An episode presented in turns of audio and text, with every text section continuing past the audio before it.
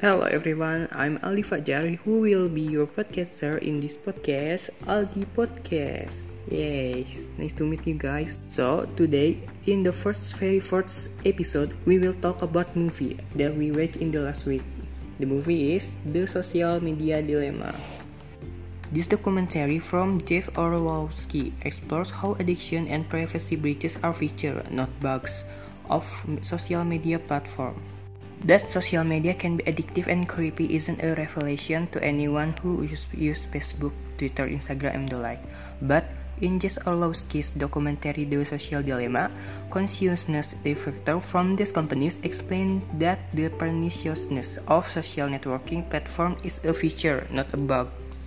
They claim that the manipulation of human behavior for profit is coded into these companies with Machiavellian precision. Infinity scrolling and push notification keep users constantly engaged. Personalized recommendation use data not just to predict but also to influence our actions, turning users is into easy prey for advertisers and propagandists. In Brisky edited interview, Orlowski speaks with a man and a few women who helped build social media and now fear the effects of their creation on users' mental health and the foundation of democracy.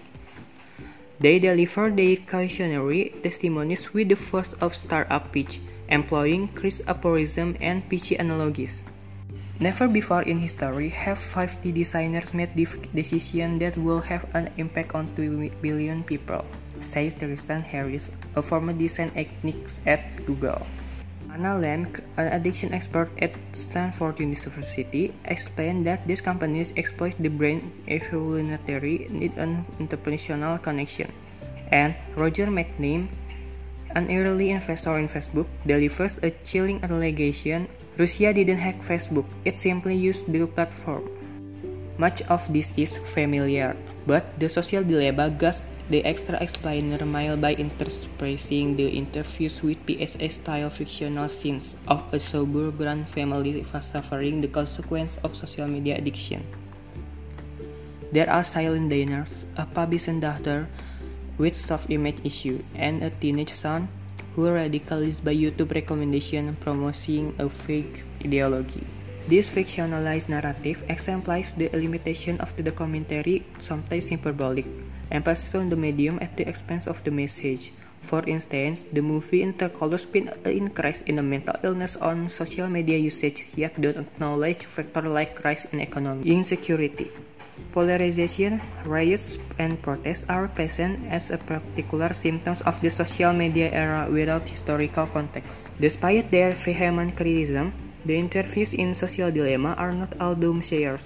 Many suggest that with the right chance, we can salvage the good of social media without the bad, but the graphic of personal and political solution they present in the film confuse two distinct target of critique. The technology that causes destructive behaviors and the culture of unchecked capitalism that produces it. Personally, I think we should have to pay more attention to watching the social dilemma. This documentary optimally explores the negative effect of the business of model and algorithm system of each social media. Because a problem must be given special attention to make us aware of taking action and correcting mistakes that have already been created. In the end, this movie also provides solution and what small steps we can take so as not become a product of med social media. It was closed with various statements and optimistic views from each source. The interviews also mentioned that there was no and evil motivation when social media was created. Every founder starts an idea with creativity, and positive intention for the development of human civilization.